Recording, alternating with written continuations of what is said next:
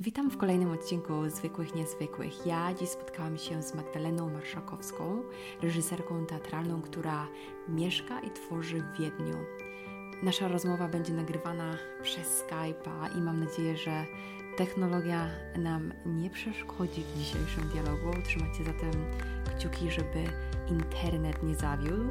Magdę poznałam w Grecji, jak obie stanęłyśmy przy stole bufetowym w hoteliku i decydując się na śniadanie. I tak od śniadania do słowa nawiązała się nasza znajomość, która trwa do dziś. Śledzę Magdy pracę z wielkim zainteresowaniem i bardzo się cieszę, że będziemy miały okazję porozmawiać o jej pasji, którą jest teatr i o tym, jak tworzy, czym się inspiruje i może też o jej pięknych kotach. Jak zwykle mam pełno pytań. Dziś zaczniemy nasze nagranie nieco od kuchni, ponieważ zdecydowałam nie zedytować początku nagrania, żeby Wam pokazać, jak te rozmowy wyglądają, zanim powie się słowo akcja. Zaczynajmy zatem. Jesteśmy na Włączamy kamerkę, żeby był sam głos.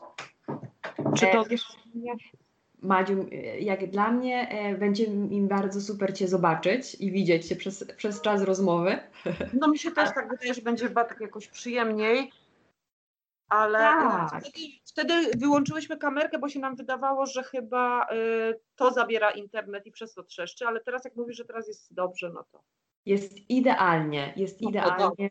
Nie ma żadnego trzeszczenia i słychać Cię głośno i wyraźnie. No to dobrze. Ale masz za sobą książek. Wiesz co, to jest sypialnia nasza, tu ci jeszcze pokażę, tak, teraz jeszcze zanim wywiad, nie, o, to jest mój kot, który tu, ja zawsze mówię, że w redakcji mój kot redakcyjny ze mną pracuje i tu jest wszędzie burdel, tu jest wszędzie po prostu takie, są jakieś pagórki. Wiesz, to jest, e, to jest wiedza, to są inspiracje. To nie jest burdel. A czy to jest, jak się nazywają te, e, rasa tych kotów? Maine- Maine Coon to jest, słuchaj, kot, który się nazywa, one są bardzo podobne do Maine Coonów, ale one się nazywają Kurylian Bobtail, ponieważ to są koty bez ogona. I Aha. to nie jest rasa, która została sztucznie wyhodowana przez człowieka, bo wszyscy myślą, że wiesz, te rasowe koty są bardzo często e, w sztuczny sposób e, podhodowywane, tylko ta rasa została stworzona przez matkę naturę. Po prostu one tam mają tak zimno, że widocznie jakiś gen recesywny powstał, że te koty nie mają ogonów. One, znaczy one mają taki, zobacz, Aha. taki pompon tylko. Tutaj Ojej, no rzeczywiście, ale piękny jest. A, a ty masz, wie, masz jednego kota, czy więcej niż Mam jednego? dwa. Jest jeszcze jeden gruby, rudy, który też nie ma ogona. Widzisz, jaka dupa krótka? A no, pomponik, tak jak na czapce. Tak, tak, taki pompon. Ten, ten ogon jest, e, on jest taki króciutki, on ma tam, nie wiem, ze 3 centymetry i on jest tak jakby nierozwinięty. Ja podejrzewam, że gdzieś kilkaset lat temu te koty w tych mrozach minus, 700, e, minus 70 stopni po prostu e, traciły ogony i matka natura uznała, że ogon nie jest potrzebny. No. No. taka historia i po prostu one się rodzą już bez ogonów. A wiesz, że ja ni, nie, nie słyszałam nigdy o tej rasie. To jest Pierwszy. bardzo rzadka rasa, bo ona jest tylko w Rosji znana, a myśmy te koty, nie kupiliśmy ich, bo to nie był plan, żeby mieć koty rasowe, tylko y, myśmy je o, odkupili od takiego hodowcy, który był średnim hodowcą. Tak naprawdę to było trochę jak taki mały, y, jak się mówi na te sch- schronisko, wiesz, to było prawie Aha. jak schronisko dla zwierząt. Te koty się nie chciały rozmnażać i ta baba je chciała po prostu wyrzucić. Mhm. Ja mówię, a to nie, to, to, to my bierzemy, wiesz. Ja myślałam, że weźmiemy takie dachowce jakieś takie po prostu z, z właśnie ze schroniska, no ale jak się dowiedziałam, że kobieta, wiesz, nie mogła zarabiać pieniędzy na rozmnażaniu, no to chciała je po prostu, wiesz, usunąć. To ja biorę. No i mam takie księżniczki rodowodowe. Do... Piękne, piękne. Ale czekaj, właśnie, czy one się zachowują tak samo jak psy? Bo wiem, że są takie rasy. Tak, to jest To- właśnie aha. ta rasa, one chodzą sobie na smyczy. Myśmy nawet byli właśnie z tą Szarą, byliśmy we Włoszech nad Gardasee, byliśmy normalnie, ona chodziła na smyczy, słuchaj, ludzie na nas, wiesz, patrzyli jak na wariatów, że kto idzie z kotem na smyczy, no nie? One y, czeka przy drzwiach na nas, to jest właśnie taka rasa, bo one podobno mają to genetycznie tak zapisane, ponieważ one tam na tych wyspach kurylskich, to jest wpis do Azja tam już pod Japonią prawie, No. one tam żyją razem z rybakami. Aha. One pływają z tymi rybakami na łódce, słuchaj, tam, że wiesz, łowią y, łapką rybkę i tak dalej. Taka rasa kompletnie naprawdę, one są y, mentalnie to jak psy.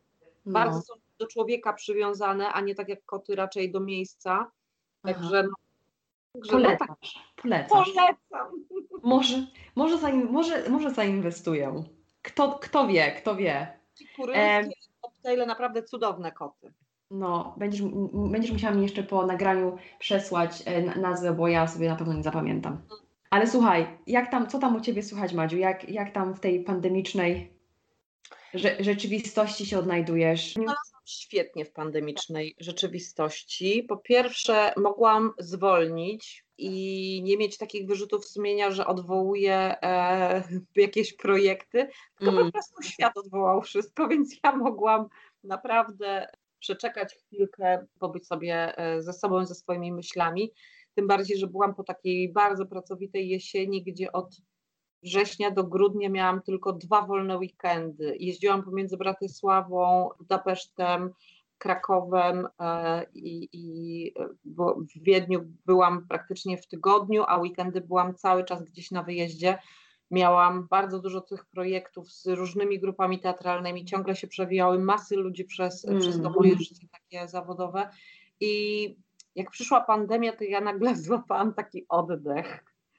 Tak wiem, że to głupio brzmi, bo dla wielu ludzi y, podziały się jakieś straszne rzeczy i dramaty i potracili pracy i Wiem, że wiele rodzin nie było zadowolonych z tego, że są nagle e, ze sobą zamknięci w czterech ścianach.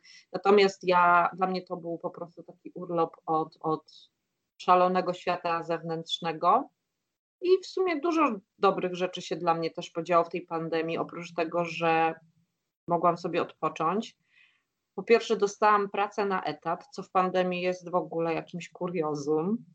A przez wiele lat pracowałam jako wolny strzelec, e, jako tłumacz i taki life coach e, w jednej z prywatnych klinik wiedeńskich. No i jakiś, nie wiem, no już tak się cieszyłam tą pandemią, że wreszcie mam urlop, wreszcie siedzę w domu i z moim mężem mogę trochę czasu pospędzać. No i a po dwóch tygodniach tego lockdownu e, zadzwonił do mnie właśnie szef kliniki i mi zaproponował etat. To się okazało, że mają za mało pracowników. Um, no, więc mówię, no dobra, no jak już pandemii przychodzi do mnie praca i to bardzo dobrze płatna, no to, no to przecież oczywiście, że biorę. Tym bardziej, że znam tą pracę od wielu lat, więc e, i lubię ją też. E, no i w międzyczasie jeszcze się okazało, że jedno z austriackich e, wydawnictw, które się zajmuje wydawaniem sztuk teatralnych i jak gdyby taką opieką artystyczną nad pisarzami, zaproponowało mi współpracę, to znaczy teraz już oficjalnie mogę powiedzieć, że jestem w stajni tak zwanej Kaiser czyli, czyli wydawnictwa właśnie e, tutaj wiedeńskiego Kaiser Verlag, które działa na całym e, obszarze niemieckojęzycznym, także no nie wiem, jeżeli uniwersum dalej będzie mi tak sprzyjało, jak mi sprzyja w pandemii, to może niedługo któraś z moich sztuk będzie gdzieś w Niemczech, może w Szwajcarii wystawiona, także no Gratulacje.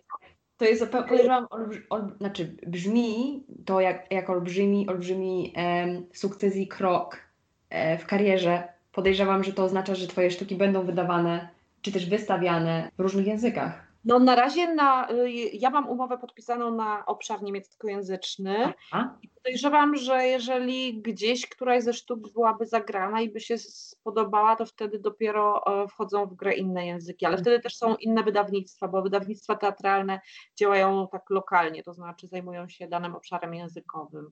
Mhm. Ale, ale oczywiście no, no myślę o tym, rozmawiam teraz z, z, takim tłumaczem węgierskiego, on chce przeczytać moje sztuki, jest zainteresowany tym, żeby ewentualnie jego żona mm, może się tym zajęła, ale to mówię, to są jeszcze takie rozmowy y, gdzieś tam po wijakach, a ja też za bardzo nie lubię się cieszyć na zapas tam rzeczami, bo też wiem jak to jest w życiu, czasami coś wygląda bardzo różowo na początku, a potem nic z tego nie wychodzi. Natomiast tutaj z Kaiser Verlag właśnie z tym wydawnictwem już jest wszystko, że tak powiem, dograne. Mhm. I to. No, także zaczyna, no, no, nie wiem, jak oni działają marketingowo. Nie, nie, najlepsze jest to, że nie muszę się tym kompletnie interesować. Wydawnictwo e, w Austrii, wydawnictwa teatralne działają trochę na zasadzie takiej agencji artystycznej, to znaczy oni się zajmują tym, żeby e, sztukę sprzedać do teatrów e, w tym obszarze niemieckojęzycznym, czyli tam Szwajcaria, Niemcy, Austria, oni pilnują później e, wypłacania mm, e, pieniędzy, oni pilnują tego, że jeżeli gdziekolwiek by pojawił się jakiś e, cytat z mojej sztuki bez wskazania autora, to oni później już jak gdyby zajmują się prawną całą obsługą tego wszystkiego. Po prostu oni tego pilnują, a ja mam siedzieć w domu i mam pisać, czyli właściwie super się to wszystko ułożyło. I szef wydawnictwa nawet mi powiedział, że pani marszałkowska, tylko proszę pamiętać, że te sztuki, które pani dopiero napisze, że my jesteśmy tutaj, jak gdyby, że pani do nas i ja mówię, ale to jak to, to pan chce moje sztuki, których ja jeszcze nawet nie napisałam? Mówi tak, tak, no teraz już pani jest tutaj w naszej rodzinie Kajza Felag, więc ja mówię, nie no, tego, tego się jeszcze nie spodziewałam, że mam jak gdyby kupca na sztuki, których jeszcze nawet nie zaczęłam pisać, także dosyć fajnie y, Y, się w tej pandemii mi życie poukładało. I mhm. oczywiście jest mi bardzo przykro, jeżeli ktoś tego słucha i tam teraz przeklina, bo on stracił pracę albo coś mu nie wyszło, no ale w moim przypadku akurat e, tak się dobre energie jak gdyby wróciły do mnie akurat w takim ciężkim momencie dla świata. No, ale wiesz też, ja sobie tak myślę, że tak jak mówisz, jest, jest tyle osób, którym, no wiadomo, pandemia jest to ciężki okres i, i, i wiele, wiele osób e, przechodzi przez bardzo trudny czas. I wydaje mi się, że potrzebne nam są takie historie właśnie e, pozytywne, że ta dobra energia gdzieś tam jest i że, że jednak e, wszystko nie jest takie złe i że, że jednak rzeczywiście pewne rzeczy się udają, co jest super. A jeszcze wracając do tej, do tej twojej do y, współpracy z tą agencją.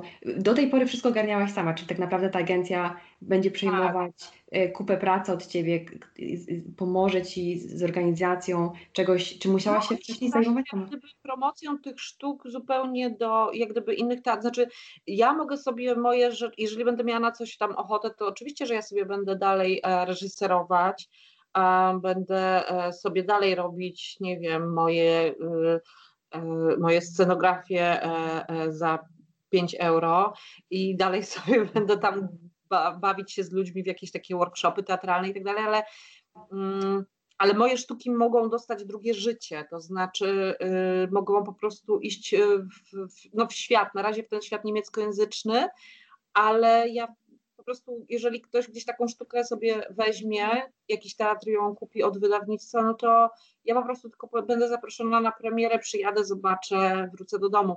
Cała ta praca, jak gdyby, um, która, która dotyczy zrobienia w ogóle produkcji teatralnej, nie, nie, nie będzie mnie, znaczy ja sobie będę mogła robić swoje produkcje, takie, na które mam po prostu ochotę, które mnie w jakiś sposób pociągają albo e, które są dla mnie ważne, że ja je chcę zrobić, natomiast faktycznie te sztuki, które ja już zrobiłam i które są dla mnie przeszłością, one mogą teraz dostać jakieś drugie, trzecie, czwarte życie i, i to na pewno, e, co prawda widziałam już swoje sztuki w cudzej reżyserii i tak no, dziwnie się to ogląda i średnio, Oczywiście z dużym szacunkiem dla wykonanej pracy i dlatego, że w ogóle ktoś chciał siedzieć i, i pracować nad moim tekstem, ale faktycznie no, jest to takie dziwne wrażenie, kiedy ktoś inny reżyseruje, bo, no bo jednak osoba pisząca ma w głowie jakieś tam obrazy, ma już jakieś tam wyobrażenie na ten temat, a tam się nagle okazuje, że ktoś w ogóle e, nie tyle nawet inaczej zinterpretował, ale tak jak ja miałam na przykład wrażenie przy jednej ze sztuk, że w ogóle reżyser chyba nie zrozumiał, o czym moja sztuka jest. Mi się że to jest w ogóle takie bardzo smutne. Oczywiście ja piszę, jak wiesz, takie smutne komedie i to jest taki śmiech przez łzy, ale on z tego zrobił jakąś taką bulwarówkę, yy, gdzie w ogóle jak gdyby głębia jakaś tam psychologiczna postaci w ogóle gdzieś tam przepadła w tym wszystkim, więc więc no nie wiem, no ale to już tak jest. No wypuszcza się dzieci w świat i, i, i tyle. No. Rodzice też nie zawsze są zadowoleni z tego, jakich dzieci e, na kogo wyrastają, więc ja się po prostu też cieszę, że tak jak mówię, że te sztuki, które dla mnie są już kompletnie przeszłością, że może gdzieś kiedyś pojadę, choćby to w jakimś DDR-ze na przykład, na jakimś takim prowincjonalnym teatrzyku typu w mieście Eisenhüttenstadt na przykład. To jest takie moje marzenie, ja w ogóle kocham teatry prowincjonalne, jak sobie myślę, to by było super, będę jeździć na te premiery w tych malutkich teatrzykach DDR na przykład. To jest coś, co mnie kręci. Także mam nadzieję, że to się uda, ale zobaczymy. Na razie, na razie e, wydawnictwo jest też dobrej myśli i, i chcą sztuki, których jeszcze nie napisałam, więc na razie to jest dla mnie trochę takie, wiesz, rozmawiamy hmm. trochę o czy, czymś bardzo nie, nie, nienamacalnym i takim. Mm. No zobaczymy, no przygoda, przygoda. Ale wiesz co, Madziu, wspomniałaś coś o, o jeżeli chodzi o odtwarzanie Twoich sztuk, czy też um, moment, w którym inny reżyser przejmuje i to wystawia. Wiem, że ty większość twoich sztuk napisałaś sama i później to wystawiłaś, ale była chyba jedna, może więcej, popraw mnie, jeżeli nie, dwie. Y, ja wiem o wydmuszce tak. Marcina Szczygielskiego, którą, wy, y, którą wystawiłaś, którą tak. on napisał.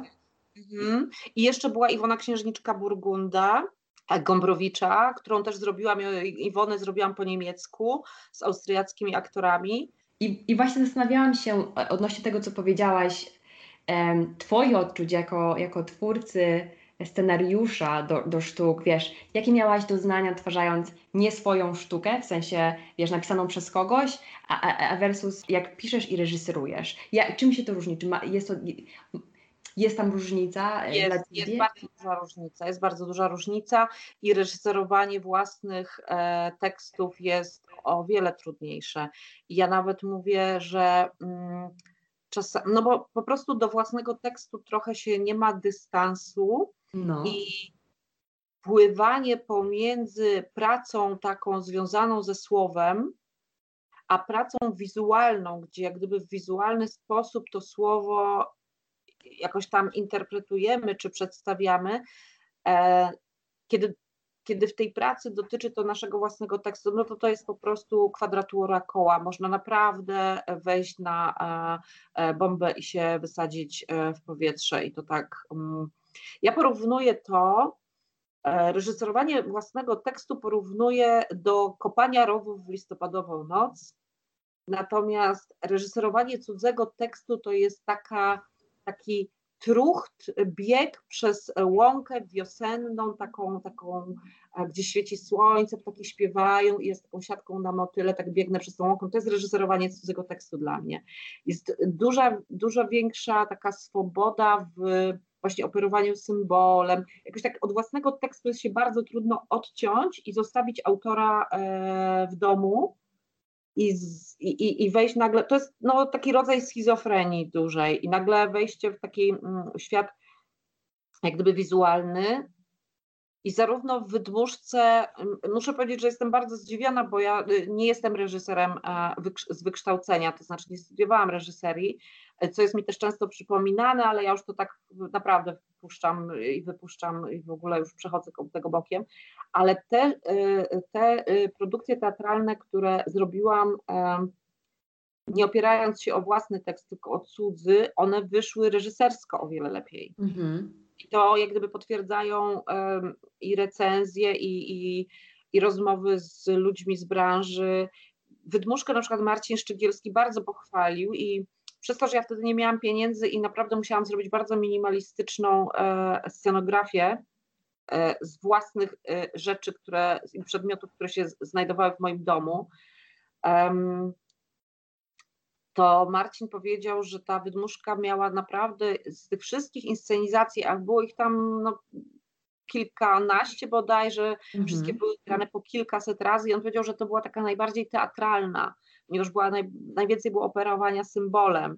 Wszystkie inne teatry budowały wielkie biblioteki, później wnętrze statku, na którym bohaterki się znajdują, a ja po prostu powiesiłam na suficie książki na żyłkach. I te książki, i biblioteka fruwała nad głowami bohaterek, a kiedy się znajdowały na statku, no to po prostu puściłam na te książki niebieskie światło i to były mewy. I to się obroniła, to naprawdę był, był, był ja miałam nieprzespane noce, bo, bo nie wiedziałam, jak ja mam zrobić bez pieniędzy, jak ja mam zrobić bibliotekę, bo się też uparłam, że skoro się akcja dzieje w bibliotece, to ja muszę wybudować bibliotekę na scenie. No a potem powiesiłam te książki własne z domu, wzięłam, okleiłam białą taką, taką, taką taśmą do oklejania mebli. Zresztą Marcin siedział ze mną i oklejał te książki razem ze mną. Więc naprawdę ten, i tam jakoś, no nie wiem, przy cudzym tekście faktycznie jest więcej takiej, ja mam wolniejszą głowę, jestem jestem bardziej otwarta na, na pewne obrazy, które się pojawiają przed, przed moimi oczami. Z Iwoną też tak było, poharatałam ten tekst, pocięłam w prawo, w lewo, tego biednego Gombrowicza, jakby Gombrowicz wiedział po prostu, to pewnie się w grobie przewracał, ale do tego doszła strona wizualna. No i na przykład z Iwoną pojechaliśmy na festiwal Gombrowiczowski międzynarodowy, taki, który się co dwa lata odbywa w Radomiu i, i zagraliśmy jako taki jedyny teatr, no półamatorski, w ogóle właściwie wolna grupa teatralna, taki totalny off, a, między, a, a graliśmy, z, e, była, był balet Opery Narodowej, był Teatr Ateneum, a dzień przed nami grał Andrzej Seweryn z Magdaleną Zawadzką i z Malajkatem, e, po nas grał właśnie, była Opera Narodowa, po czym nagle myśmy byli między nimi, no po prostu jakiś kosmos, także w tych sztukach, które reżyserowałam do własnego tekstu, tam dużo było takich czasami się dłużyzny pojawiały, czasem coś mi tam brakło jakiegoś pomysłu, bo po prostu byłam bardziej autorem niż reżyserem. Mm -hmm. To mhm. jest ta trudność. Także -hmm. może to jest nawet dobry moment właśnie z tym wydawnictwem. Niech te moje sztuki robi ktoś inny, a ja po prostu będę tworzyć. Będę tworzyć, będę reżyserować sztuki innych autorów. No może to tak, może to nawet jest zdrowiej. Jeżeli, jeżeli, jeżeli ci to sprawia też przyjemność, nie? Bo to też jest ważne. No, reżyserowanie jest fajne do momentu pracy konceptualnej, a potem to już zależy, jaki jest Aha. zespół. No bo to jest jednak praca z ludźmi, plus praca na emocjach i, i, i wiadomo, ile ludzi i tyle różnych emocji. Ja to porównuję trochę do narkotyków, no po prostu e, nie da się. Mm. Człowiek wie, że potem e, jest od tego chory, od tej pracy, ale przyjemność jest tak duża, że no, trudno sobie tego odmówić. Słuchaj, poruszyłyśmy już wiele tematów yy, odnośnie Twoich sztuk i mam bardzo dużo pytań odnośnie tych sztuk, ale zanim jeszcze, zanim zaczniemy się zagłębiać w Twoją pracę, chciałam troszeczkę e, wrócić do, do początków i, i zapytać Cię o Wiedeń, bo ty, ty mieszkasz w Wiedniu i tam też tworzysz. Chciałam mhm. się zapytać, skąd, skąd ten Wiedeń, skąd pomysł na Wiedeń, jak Ty się znalazłaś w Wiedniu? Wiedeń się pojawił e, przez przypadek, bo po prostu się zakochałam e, w Polaku, e, to znaczy właściwie w Austriaku polskiego pochodzenia. No i jako, że postanowiliśmy być razem, to spakowałam się i wyjechałam, ale znaczy ja tak miałam, jako dziecko już miałam przeczucie, że ja chyba gdzieś tam kiedyś ruszę w świat, bo to mnie po prostu fascynowało i, i zawsze mnie interesowały inne kraje, podróże, inne języki ale ja myślałam, że wyląduję gdzieś we Włoszech albo w Hiszpanii, że gdzieś będzie taka fiesta i będzie słońce i będzie w ogóle ten, ale nie, że to będzie Austria, że będę się musiała niemieckiego uczyć, no ale no, życie, myślę, że miłość e, jest e, tak ważna, że warto dla niej e, też zmieniać plany chociażby takie, gdzie będziemy żyć jeżeli chodzi o, twój, o Twoje wykształcenie, bo też e, nad tym się trochę zastanawiałam, bo Ty skończyłaś filologię słowiańską. Tak, filologię tak. słowiańską. W Polsce studiowałam historię sztuki i robiłam jeszcze w, już, już w momencie, kiedy się zaczęła moja jakaś tam przygoda z teatrem, to dokształcałam się w tym kierunku. To znaczy w Instytucie Badań Literackich w Warszawie, w Polskiej Akademii mm. Nauk robiłam e, takie e, kursy scenariuszowe, e, dramaturgiczne. Jeździłam tam przez rok do Warszawy właśnie na takie studium. Mhm. Um, czyli, ty, czyli ty sobie ten teatr wymyśliłaś? To nie było tak, że ty miałaś w rodzinie, wyrosłaś w rodzinie teatralnej? Moi oboje rodzice są inżynierami.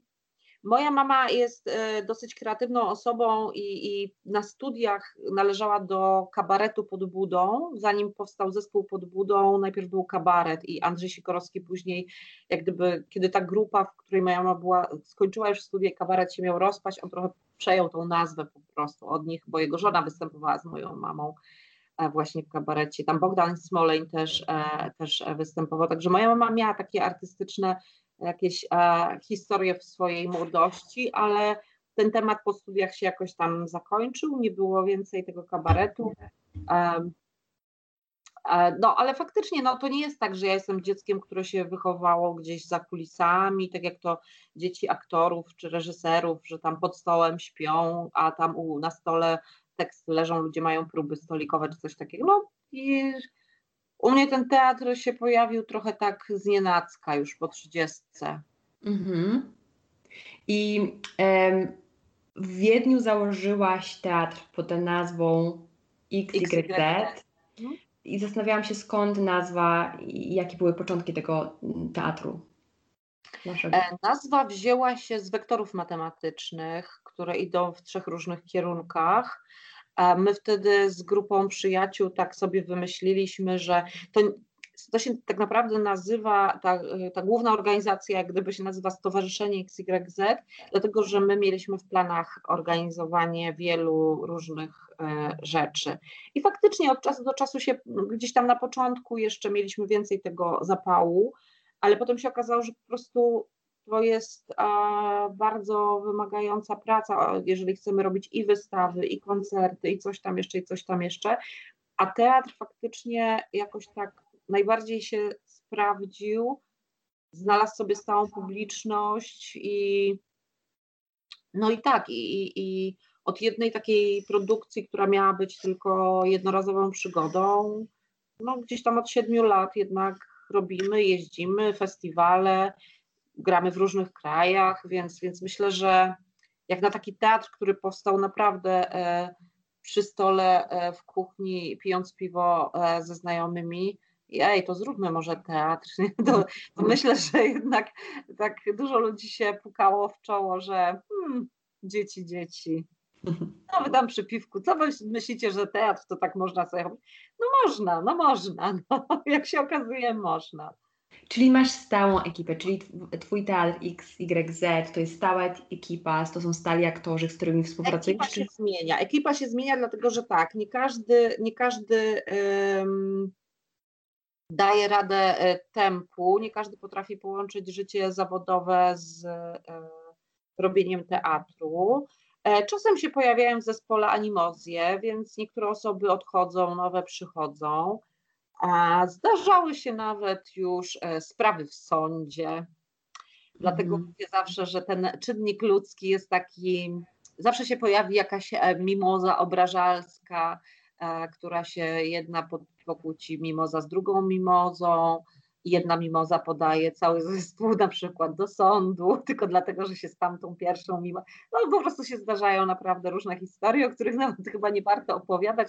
Kiedyś napiszę o tym sztukę i to będzie taka teatr w teatrze, to będzie po prostu sztuka o tym, jak zespół aktorski przygotowuje się do festiwalu szekspirowskiego, tak sobie pomyślałam. I tam wtedy, tam wtedy wszyscy się odnajdą. Kto, każdy rozpozna siebie.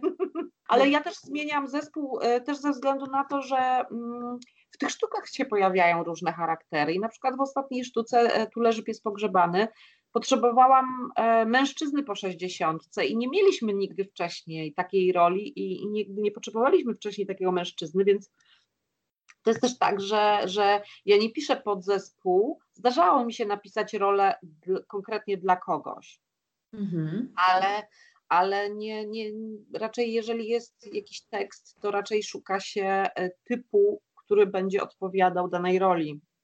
Mhm.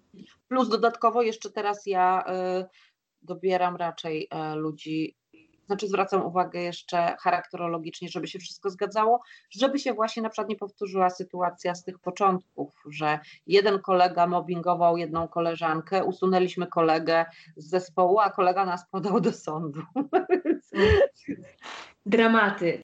Ale wiesz, ja sobie, o tym, ja sobie o tym kiedyś myślałam i tak jak pamiętam, będąc w przedszkolu, przeżywając tam jakieś ludzkie dramaty, żaląc się do mamy, że ja już chcę z tego przedszkola wiesz, już skończyć z tym przedszkolem, to jednak się nigdy nie kończy. I pamiętam, moja mama mi mówiła właśnie, że Ilona, e, przyzwyczaj się, bo e, jednak wiesz, z tego się nie wyrasta, to, jest, to się po mhm. prostu ciągnie przez życie i, i ludzkie dramaty będą się przywijać, więc chyba to tak właśnie jest. Ale mówiąc o sztukach, Twoje sztuki opisywane są jako takie, które działają nieco jak, trochę jak nasze e, własne, takie lustrzane odbicie, bo mam wrażenie, że opisujesz w nich taką codzienność nas samych.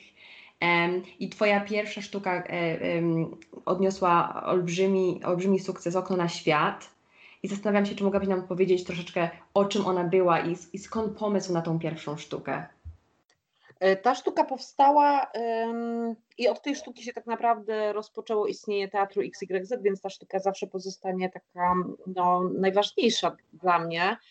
Chociaż uważam, że, że, że była e, może nie, znaczy teraz bym ją pewnie napisała zupełnie inaczej, a, a wtedy ona ze mnie wypłynęła. Ja tą sztukę napisałam w ogóle chyba w dwa dni Tylko materiały zbierałam dosyć długo. To jest sztuka o samotnej kobiecie, która już jest emerytką i która prowadzi właściwie taki e, monolog sama ze sobą. E, a monolog jest jak gdyby, znaczy ta kobieta siedzi sama i w domu i ogląda telenowele takie południowoamerykańskie, jakieś mm. takie brazylijsko-argentyńskie. I oczywiście to, co widzi w telewizorze, naprowadza ją na wspomnienia z własnego życia.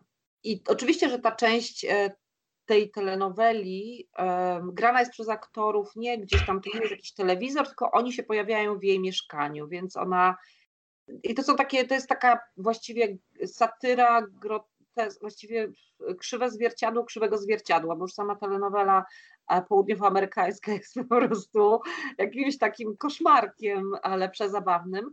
I ja zrobiłam jak gdyby parodię y, czegoś, co już samo w sobie jest takie no, mocno y, odjechane.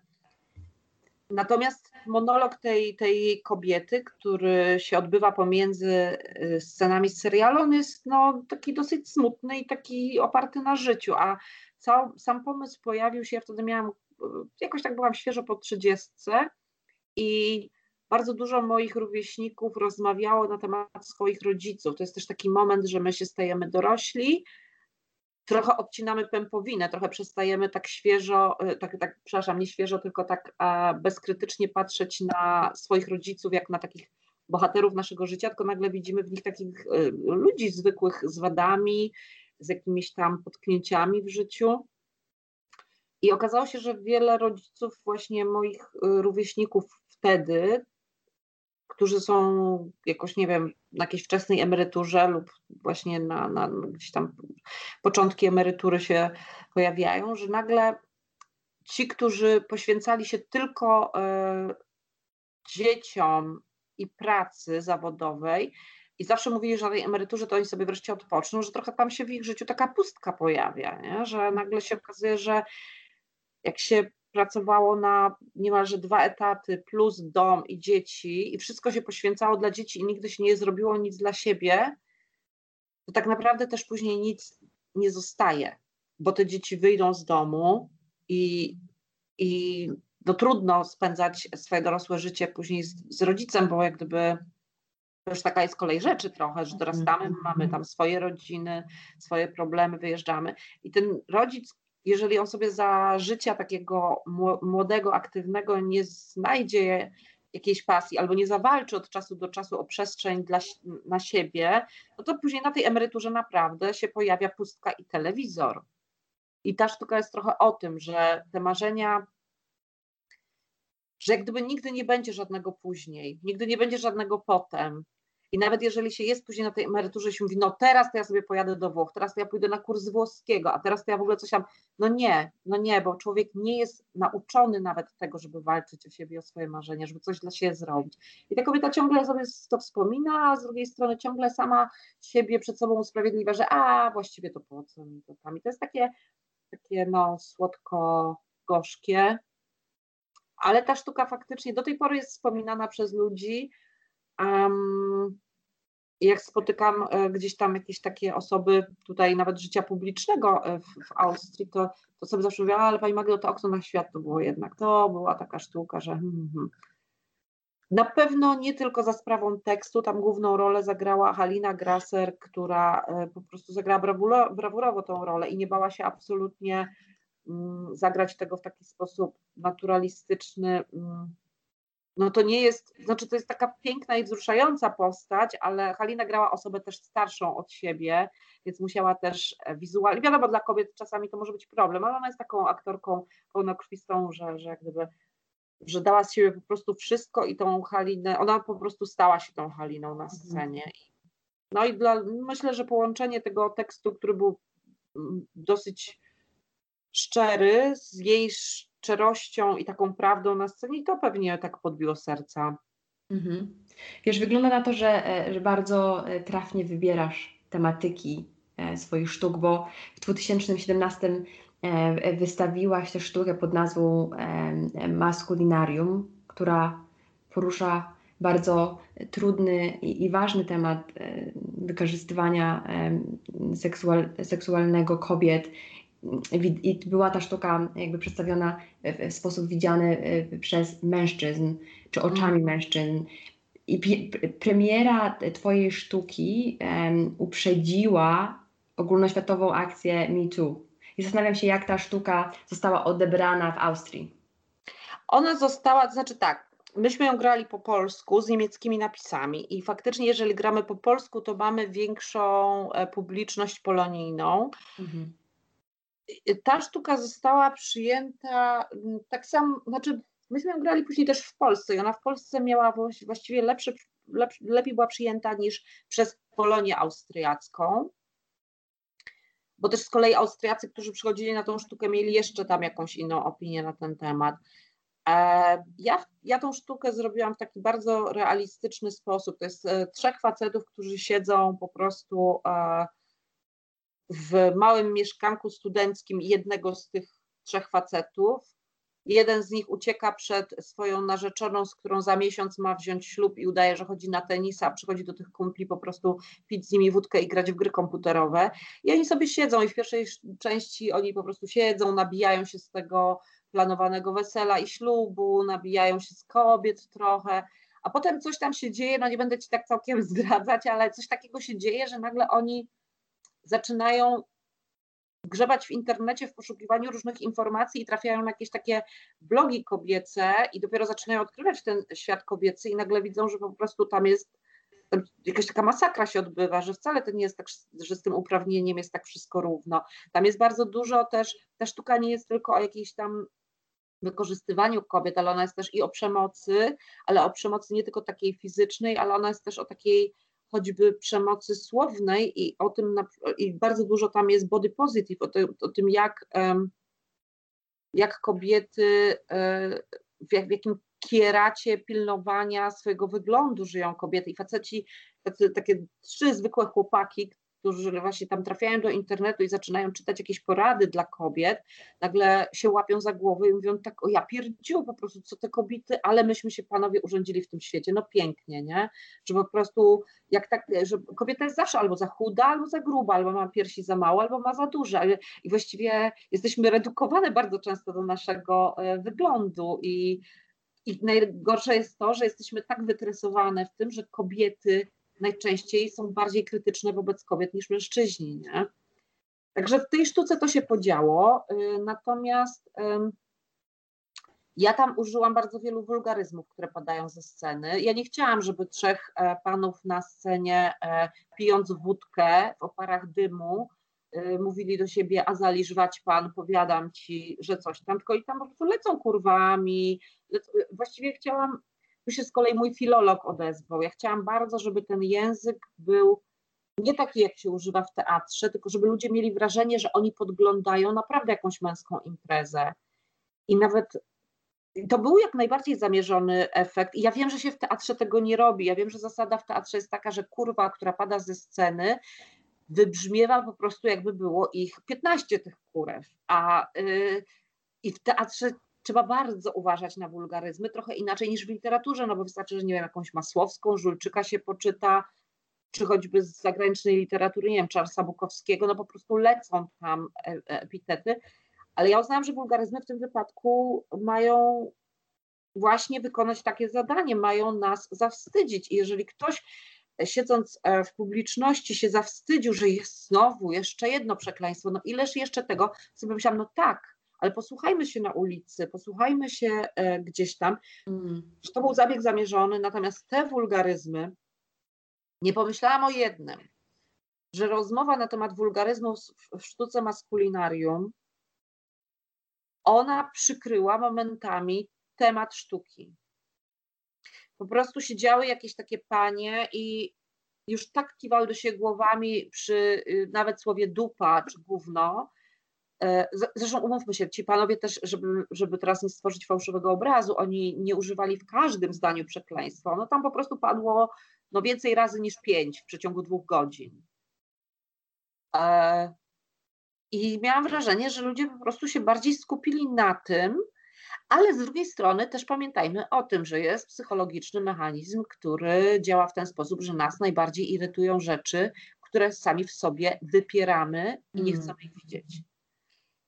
Jeżeli ktoś nie chciał widzieć e, przemocy wobec kobiet w tej sztuce, tylko chciał widzieć wulgaryzmy, no to może to jest coś, co na przykład Polonii Wiedeńskiej przeszkadza, kiedy jadą do Polski i widzą polskie społeczeństwo i się tak tego wstydzą, że potem w teatrze chcieliby właśnie Azali żwać, pan powiadam ci, a tam marszałkowska wychodzi po prostu i koleś tam mówi, ej kurwa polej, Stachu. No, no. No, no nie, no chcielibyśmy się widzieć może jednak tacy, tacy wyprasowani e, i w ogóle kulturalni i wyedukowani, no ale no nie oszukujmy się, ja, no, no, no, nie przeszłoby mi jak gdyby przez gardło i oczy, żeby zrobić sztukę o trzech facetach pijących wódkę i, i że tam naprawdę nie padło żadne takie słowo.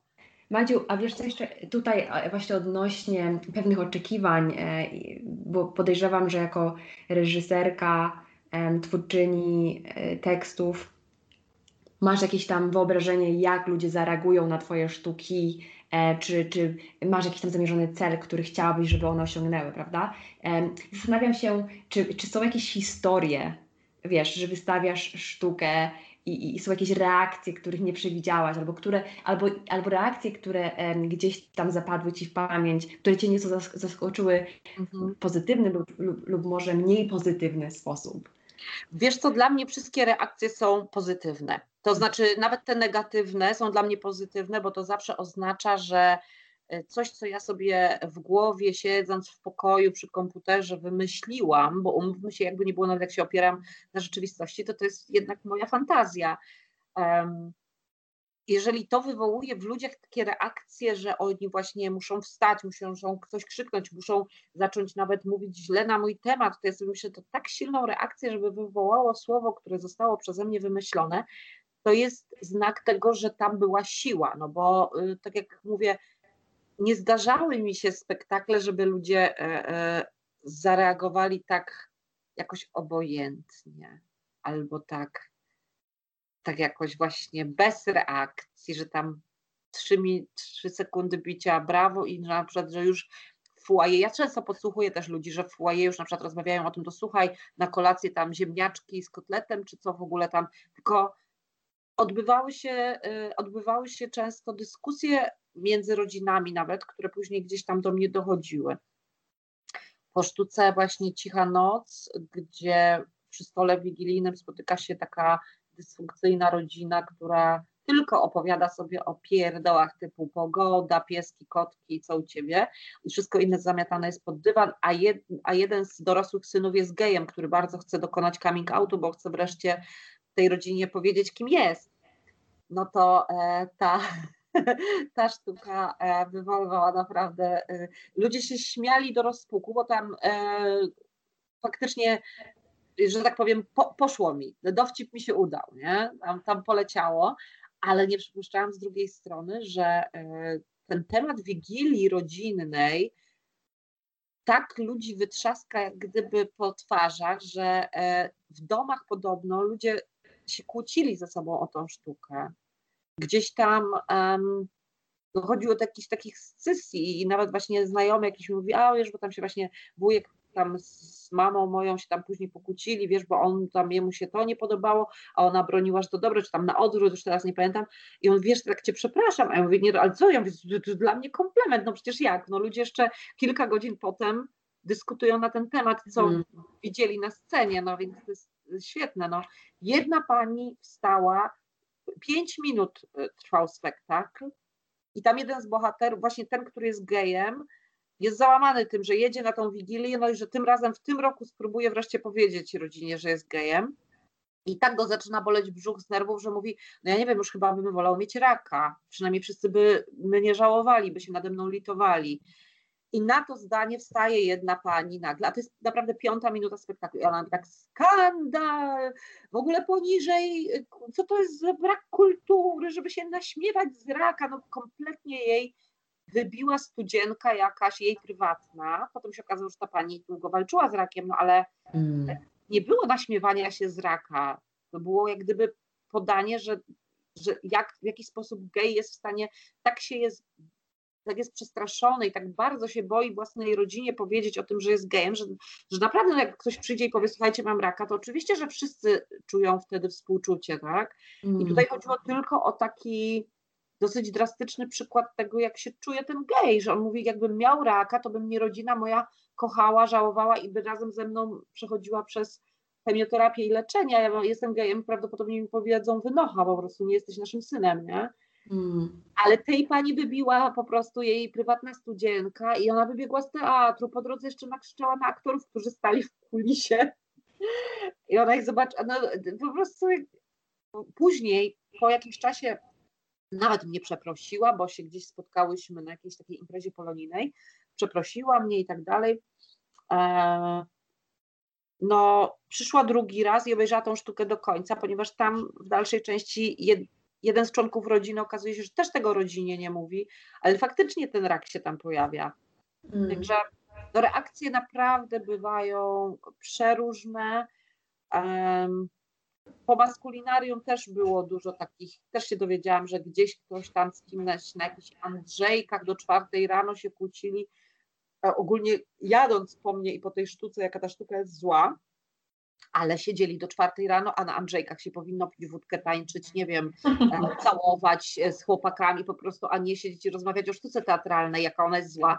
Czyli gdzieś musiały te, te kule y, armatnie jednak y, trafić trafić i tam no. wyrwać kawałek ciała, nie? I krew Słuchaj. się polała. Dobrze, dobrze. Absolutnie. Ja w ogóle myślę, że twoja cicha noc brzmi jak e, sztuka, która jest bardzo um, aktualna e, w, w, naszych, w, naszej, w naszej Polsce, że myślę, że to byłby dobry czas, żeby może ją wystawić e, w, w kraju. Teatr chciałby wystawić komedię o dysfunkcyjnej rodzinie i geju, który chce się wyautować w czasie Wigilii, bo mówmy się, Wigilia jest też w Polsce takim świętem nietykalnym troszeczkę, nie? Takim no. najświętszym ze świąt.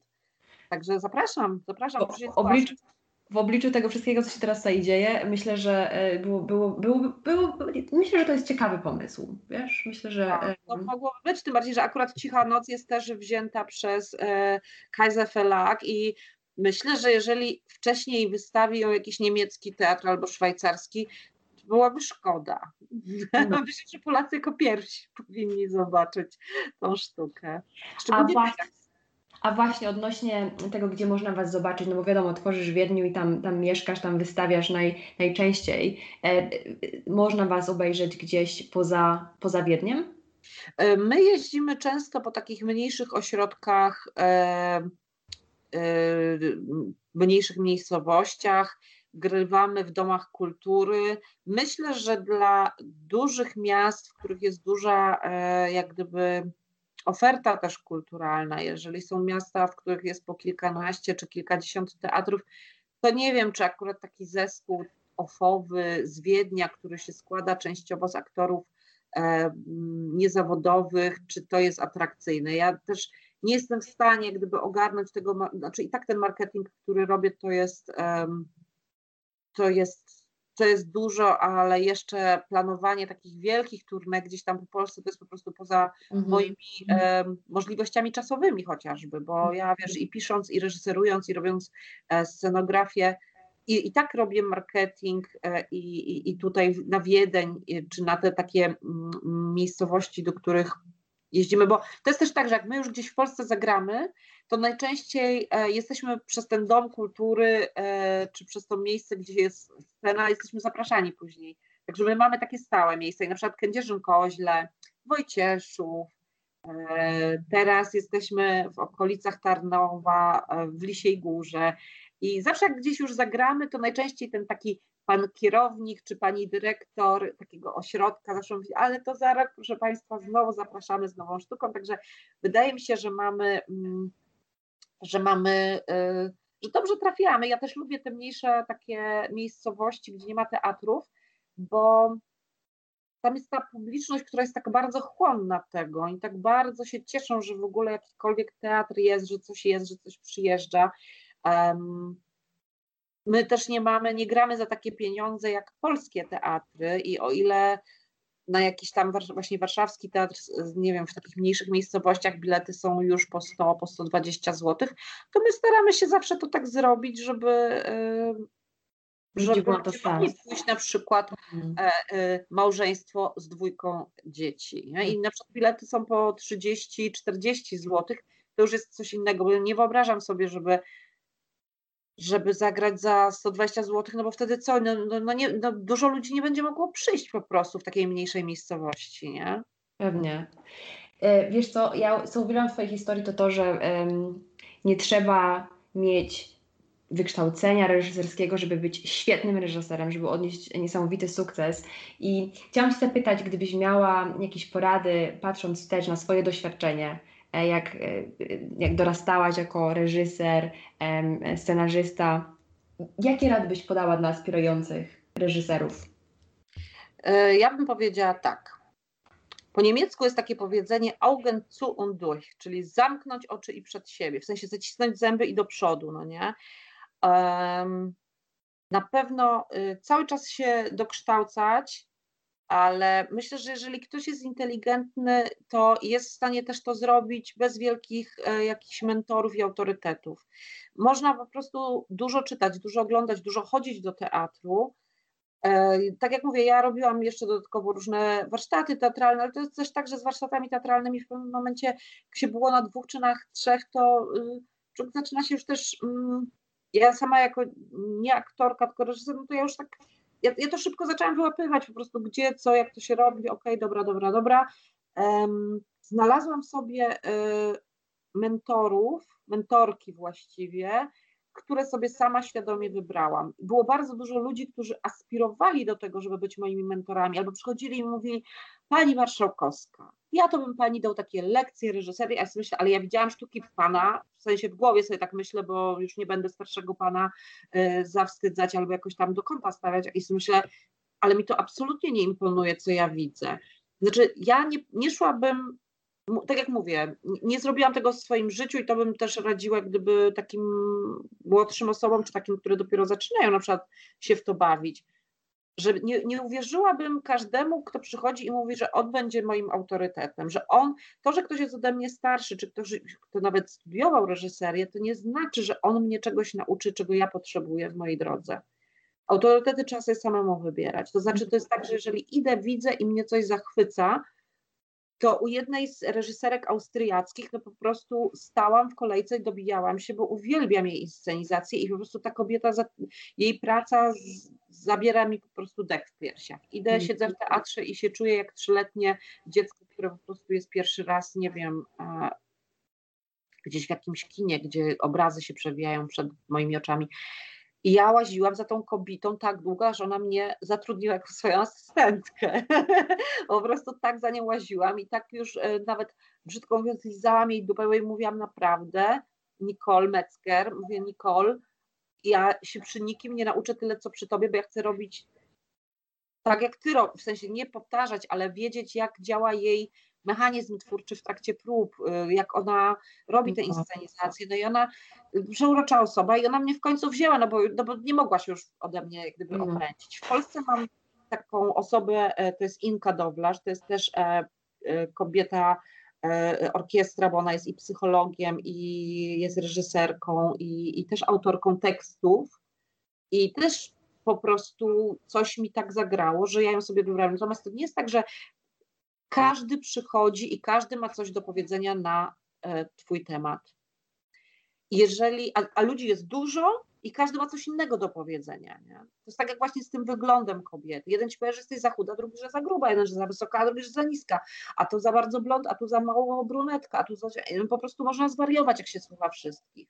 Dlatego trzeba naprawdę uwierzyć w to, że intuicja nas prowadzi tam, gdzie mamy być i owszem, do słuchać mądrzejszych od siebie, ale nie każdy, kto przychodzi i mówi, słuchaj, ja jestem mądrzejszy od ciebie, więc ja ci powiem, szczególnie ci, którzy przychodzą i mówią, ja jestem mądrzejszy od ciebie, ja cię nauczę, no to najczęściej ci, którzy bardzo chcieliby być czyimś mentorem, ale no, muszą mieć coś magicznego i coś wyjątkowego do zaoferowania, więc słuchać siebie, dokształcać się, słuchać krytyki, ale mądrej, natomiast nie dać się wciągnąć taką krytykę udupiającą, która ma na celu tak naprawdę nas poniżyć, a taka się najczęściej pojawia. Mm. Najczęściej wśród krytyki jest takie takie sobie utyskiwanie, narzekanie i wyciąganie e, jakichś takich błędów, e, które może wcale nie są błędami, może to jest tylko rozmawianie o gustach, co się komu podoba, co komu nie. Twardą dupę trzeba mieć i wrażliwość poety. Twarda dupa i wrażliwość poety. Noted. Słuchaj, ja mogłabym z Tobą gadać, mam jeszcze e, pytań, pewnie drugie tyle, mogłabym spędzić jeszcze z Tobą kolejną godzinę e, e, rozmawiając, a wiem, że już jest trochę późno, a Ty miałaś też długi dzień, więc tak już kończąc, chciałam zapytać, co się szykuje u Magdaleny Marszałkowskiej? Możesz nam uchylić rąbka tajemnicy, nad czym aktualnie pracujesz? Aktualnie pracuję nad scenariuszem do serialu telewizyjnego ale to jest praca na konkurs, więc e, myślę, że będzie tak dużo zgłoszeń, że to może zupełnie gdzieś tam przepaść e, i nic z tego nie będzie. Natomiast niech ten scenariusz będzie napisany. Ja później, jeżeli w tym konkursie nic się nie wydarzy, ja sobie ten konkurs obrałam jako po prostu deadline, żeby mój mózg wiedział, że do, do któregoś momentu ja muszę ten scenariusz napisać. Natomiast na tym serialu mi też, e, znaczy na tym, na tym konkursie, znaczy zostawiam wygraną jak gdyby uniwersum, niech to się rozstrzygnie, bo też niekoniecznie muszę wygrać ten konkurs z wielu powodów, powiedzmy, politycznych. Więc się można domyśleć, co to jest za konkurs, ale postanowiłam, że to napiszę i najwyżej później będę myślała o jakichś e, skrypt doktorach i o szukaniu producenta. Tak, na razie, na razie wykorzystuję mm, jak gdyby jeszcze ten, ten czas zamknięcia teatrów, które są zamknięte, na to, żeby po prostu pisać rzeczy, na które później ja nie będę miała czasu. Nie? A to jest serial polski? To ma być serial polski i na podstawie jednego z fragmentów historii polskiej, mhm. więc, więc taki, że tak powiem, nie chciałabym, żeby on za bardzo wyszedł taki patriotyczny w takim um, sensie jak patriotyzm jest obecnie promowany. Wolałabym, żeby to był taki trochę serial może sensacyjny, taki trochę Lara Croft i Indiana Jones, e, tylko że w czasie II wojny światowej. To jest jak gdyby ten moment, więc zobaczymy. Piszę taki serial, e, on jest na podstawie losów mojej babci, więc, mm, więc to jest dla mnie ważne tak emocjonalnie, żeby to było napisane i żeby to gdzieś tam było zrobione. Bo później znowu wrócą teatry, ja znowu w to wpadnę pewnie po uszy i, i, i nie będę miała czasu na pisanie tego, więc to jest teraz to. A to jeszcze co te niemieckie teatry, co, to, no więc, co to wydawnictwo. No więc właśnie, a słuchaj, ale to jest pierwszy raz, kiedy zajmujesz się pisaniem teatrów, co? Czy y, teatrów, Boże, już mi się tak. język plącze. Nie teatrów, tylko serialów. To jest, pier, to jest twój pierwszy tak, serial, tak? Tak, tak. Więc też biorę pod uwagę to, że tam będzie dużo tak zwanych chorób dziecięcych i dlatego też się nie nastawiam super, że ten konkurs wygram, ale myślę, że po prostu trzeba to napisać i, i potem będę myślała, co dalej, nie? Pewnie. Wiesz, no, mam, widzę, że się u Ciebie już światło zgasiło. Nie wiem, czy to jest tak? pewien znak. Kończ, Magdaleno, kończ od męża. E, słuchaj, wiesz co, Madziu, ja chciałam Ci życzyć oczywiście powodzenia w konkursie. Mam nadzieję, że wygrasz i że odniesiesz sukces, ale jeżeli nawet byś go nie wygrała, to Mam nadzieję, że y, wiesz, ten serial zrealizujesz w inny sposób i że kiedyś wejdzie na nasze ekrany. Dzięki wielkie za rozmowę. Super się rozmawia e, z Tobą zawsze. I mam nadzieję, że e, pogadamy niebawem. Buziaki w takim razie i jesteśmy co, w kontakcie, nie? Jesteśmy w kontakcie. Jeszcze raz bardzo Ci dziękuję za czas.